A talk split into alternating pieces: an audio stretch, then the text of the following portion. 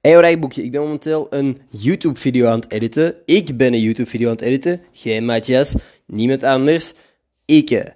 Crazy. Het is lang geleden dat ik dat nog zo intens heb gedaan. Ik heb deze maand volgens mij een stuk of vier video's zelf geëdit.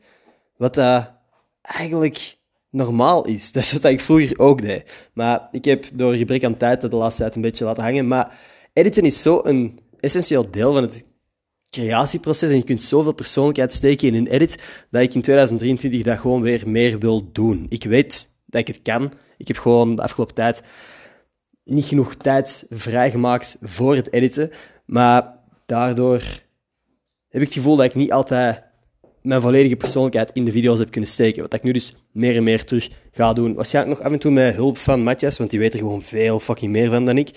Uh, maar ik wil een groot deel van de edit terug op mij nemen dat was het eigenlijk. Dat was wat ik wou zeggen. Het editen is super makkelijk om uit handen te geven. En mijn filosofie was altijd: als iemand anders het beter kan dan ik, waarom zou ik het dan doen?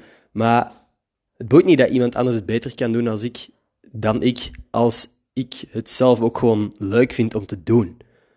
En ik ben het terug leuk beginnen vinden. Ik heb het een hele lange tijd niet nice gevonden, omdat er veel, veel tijd in kruipt. En ik dacht altijd: ik heb beter shit te doen maar nee, ik vind het gewoon leuk om YouTube-video's te maken. Dus, ga ik er meer doen. Podcast ga Matthias natuurlijk nog blijven doen. Want wie, ik zou dat niet kunnen. Ik kan letterlijk niet wat hij doet. Maar vlogs kan ik wel. Dus, dat is voor 2023. Oké, tot straks.